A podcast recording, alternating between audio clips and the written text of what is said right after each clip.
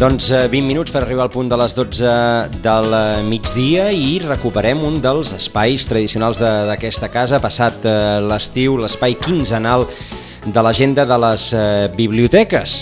Les tenim aquí.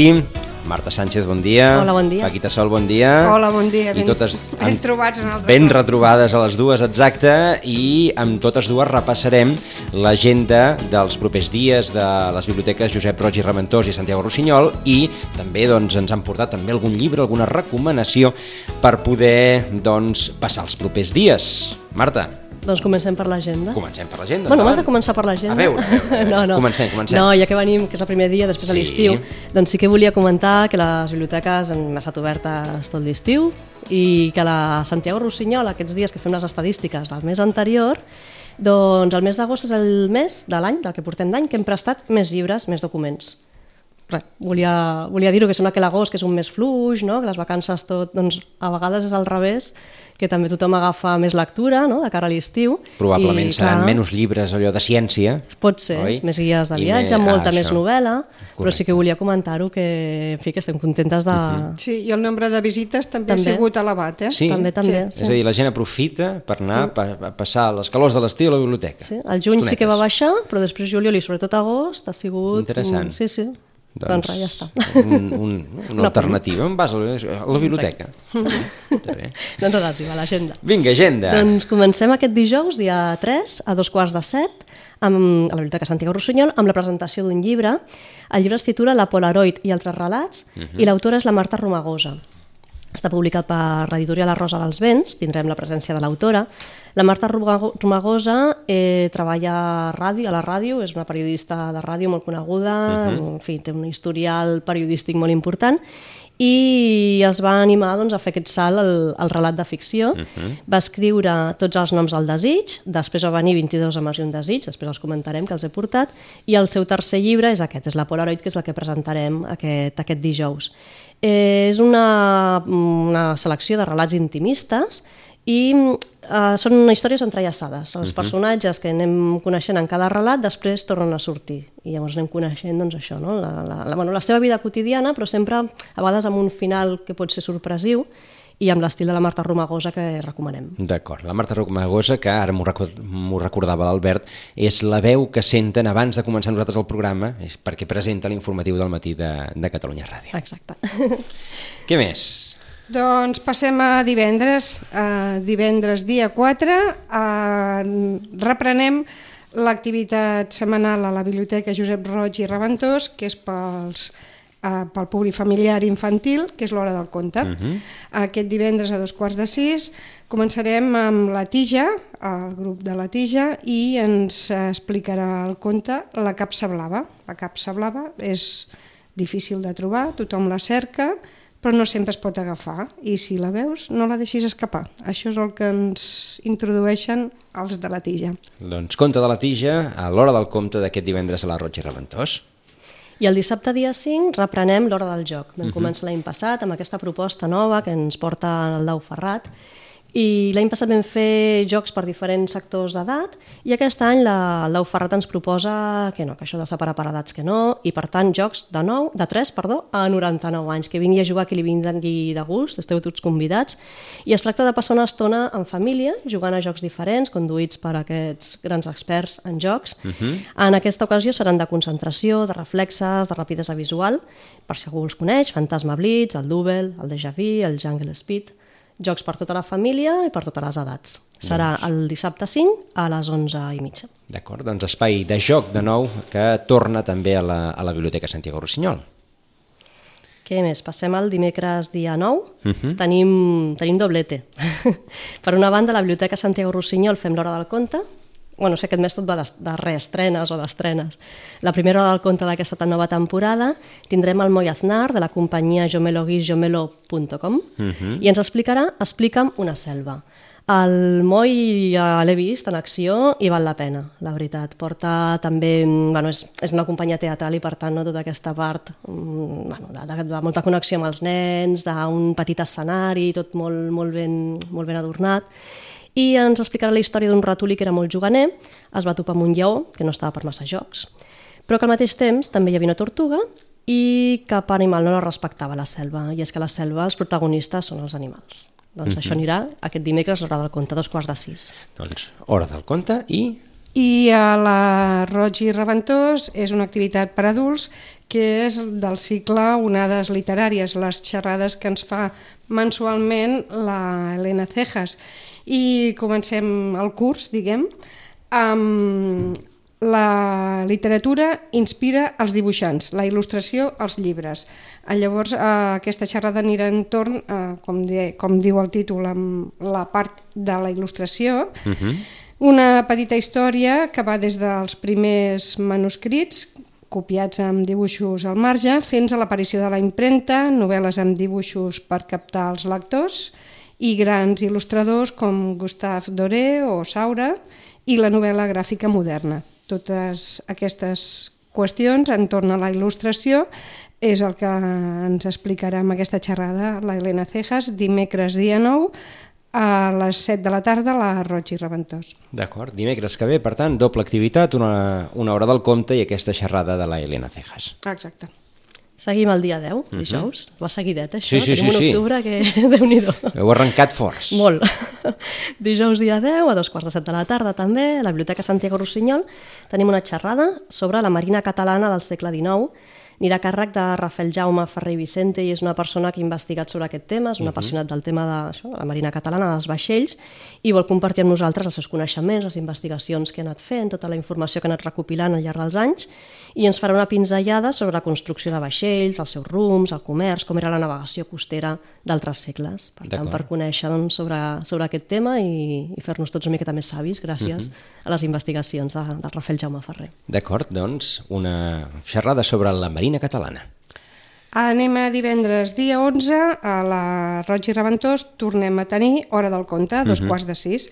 Uh, en aquesta ocasió és el Gerard i el seu caçó amb, a càrrec de Blai Senabre i és un conte uh, per commemorar el Dia Mundial de la Salut Mental.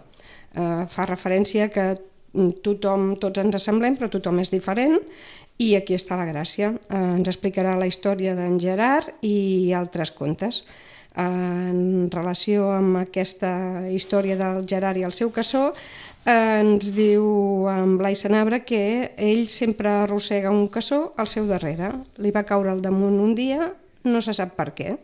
Aquest és un dels contes i és una metàfora amb la qual es posen de manifest aspectes importants de la vida de les persones i que el valor de totes elles està per damunt de condicions i capacitats. Uh -huh. Doncs una segona hora del compte, la de la setmana vinent. I encara ja, tenim alguna i ja arribem, cosa més? Sí, arribem ja el dimarts 15. Sí? Segurament ens tornarem a veure aquí, però bueno, ja ho avancem. Uh -huh. A dos quarts de set, a la Biblioteca Santiago Rossinyol, presentem un llibre sobre el feixisme, l'exili i la censura de Pere Caldés. És un recull d'articles i contes distòpics a cura de Diana Coromines. Comptarem amb la presència de la Tessa Caldés i de, i de Diana Coromines, que són filla i neta de Pere Caldés. Què en diria Caldés de l'època que vivim? No ho sabem, uh -huh. però tots els debats que ara tornen són terreny trepitjat, viscut i travessat per l'escriptor durant la seva vida. La tensió entre democràcia i autoritarisme, la xenofòbia, la immigració, les onades de refugiats, la repressió, el maltractament de la llengua, la censura... De tot això hi va fer comptes i ara doncs és bo de repassar-los, no? de tornar a llegir Caldés, que sempre és molt benvingut, i a més a més amb la presència de persones que no estan properes, com són la filla i la neta de, de l'escriptor. Uh -huh. Serà el dia 15. Doncs qui vulgui eh, recuperar aquest calders, o qui vulgui recuperar el calders dels, dels llibres, de, dels contes de calders, doncs també els contes els poden trobar a les biblioteques, segur. o sigui que molt, molt interessant també aquesta, aquesta recuperació. Què més? I hi ha uns petits, petites coses. A veure. Una, tenim el Festival de Cinema Fantàstic a tocar i, com l'any passat, a les vitrines de l'entrada de la biblioteca tindrem llibres sobre cinema fantàstic, sobre la història del festival uh -huh. i això, sobre literatura fantàstica també en general. Recordem que tenim un fons especialitzat en aquest tema, que anem ampliant, comprant llibres sobre bueno, tot el que dona de si el que és el gènere fantàstic i de terror. Doncs tindrem una selecció de llibres que es podran emportar en préstec uh -huh. a les vitrines de l'entrada.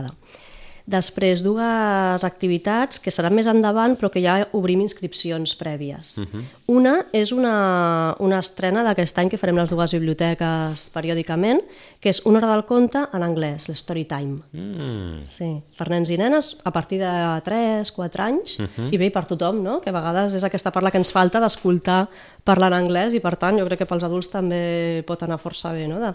Són, ho expliquen d'una manera que, evidentment, un nen de 3 anys que no sigui eh, parlant habitual d'anglès pot entendre perquè hi haurà cançons, hi ha tota la part teatralitzada, per tant són de fàcil comprensió. En aquest cas eh, vindrà l'Olívia. He de dir que això organitzen, ens ha vingut la proposta de Kids and Us, que és una, un centre d'ensenyament d'anglès. Ho faran moltes biblioteques, amb molt d'èxit, i per tant doncs, ens hem apuntat a la proposta. En aquesta ocasió, l'Olivia ens explicarà The World Wars i és la història d'una bruixa que ha de demostrar que ja és bruixa de veritat, perquè, és clar, s'ha de demostrar, aquestes coses s'han de demostrar, doncs a veure com s'ho farà.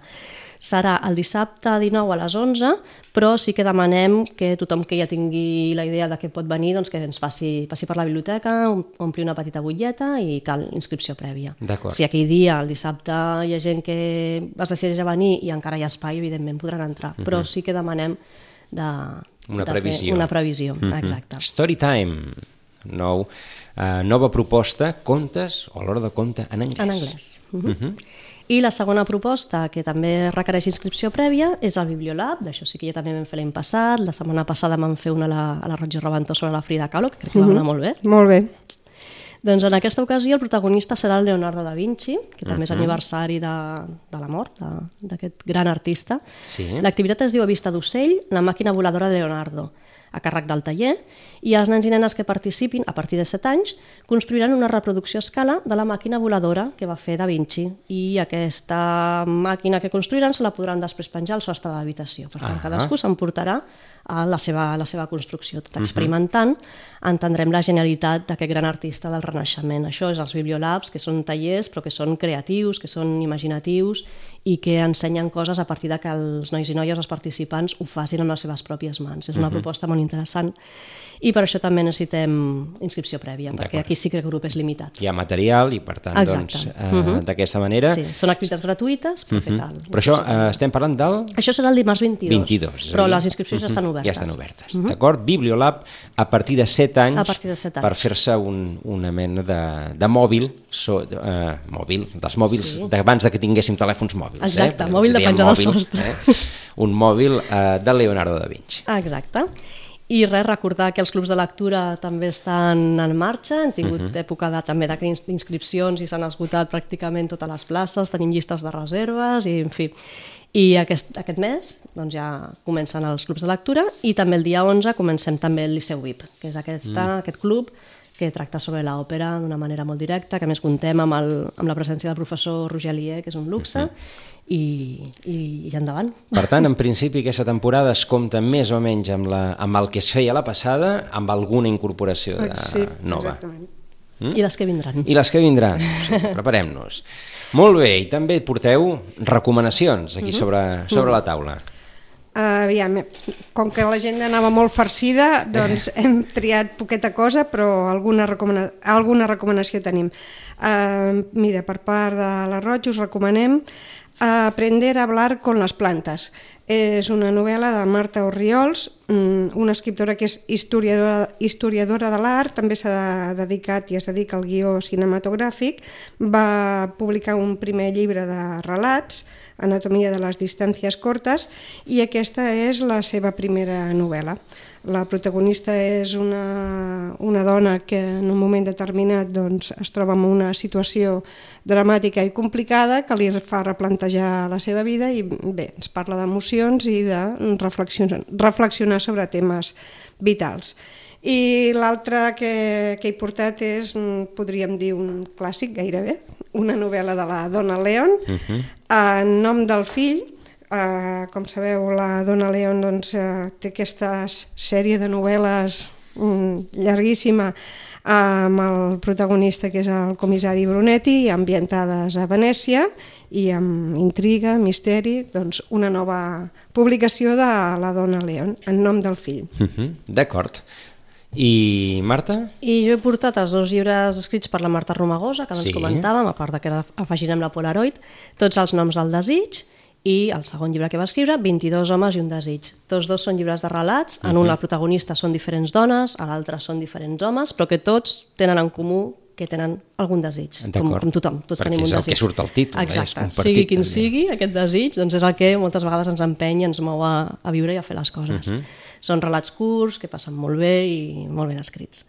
I el segon és un llibre, es diu Mate Maldición, és un llibre de la sala infantil, no és un conte, és un llibre de matemàtiques, però és un llibre de matemàtiques diferent. És molt divertit, molt il·lustrat, les dedicatòries també tenen a veure amb les matemàtiques i només llegiré, si dona temps, la primera frase.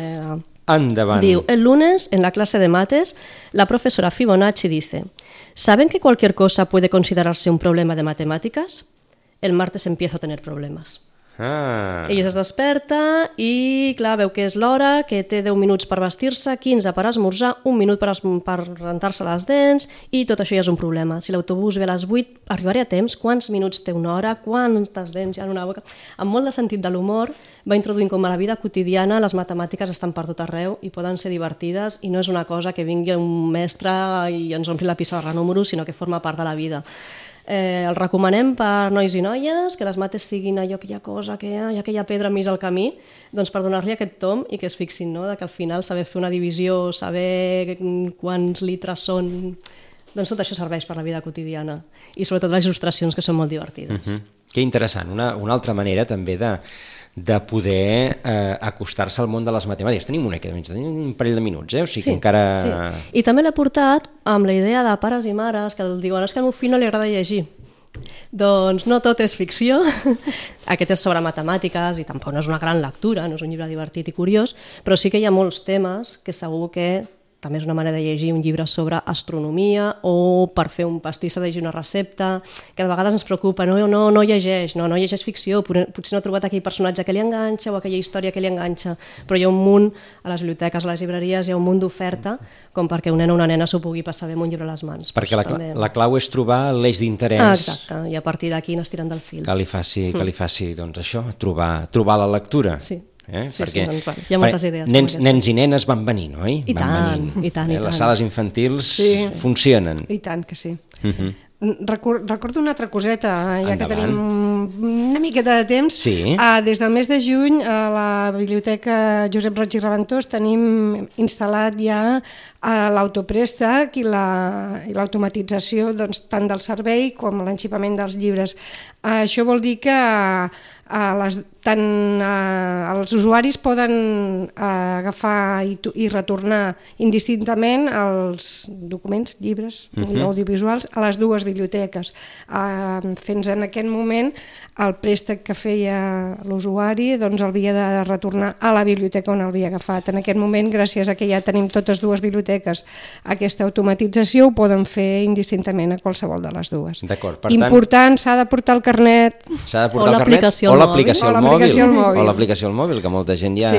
entenc que també ja la deu, la deu Sí, és molt utilitzar. còmode. és fàcil i molt pràctica. Sí. Per tant, doncs, el dia que si ho feu a casa ho fareu en un minut i si veniu un dia a la biblioteca ho comenteu i us ho donem un cop de mà i s'instal·la rapidíssimament. Perfecte, doncs eh, important, per tant, el que, el que ens comenteu, ja a partir de ja eh, instal·lat el sistema d'autoprèstec a la biblioteca Josep Roig i Reventós i per tant doncs, es poden a tornar els llibres indistintament a les dues biblioteques. Un sistema que és molt senzill, eh? O Sí, sigui, que sí. no té... Que, vam, que aquelles maquinotes i, allò, i només hi ha tres, tres pestanyes enormes que dius, deixar... O sigui que no, no, no hi haurà cap mena de complicació i si no, doncs la gent de les biblioteques sempre, sempre estarà disposada a, a ajudar-vos. Paquita, Marta, moltes gràcies, Gràcies a, a a totes dues. Gràcies a vosaltres. Ens retrobem d'aquí 15 dies. Molt bé. I a tots vostès, doncs també ho deixem aquí, que passin un molt bon dia. Gràcies per l'atenció i fins demà.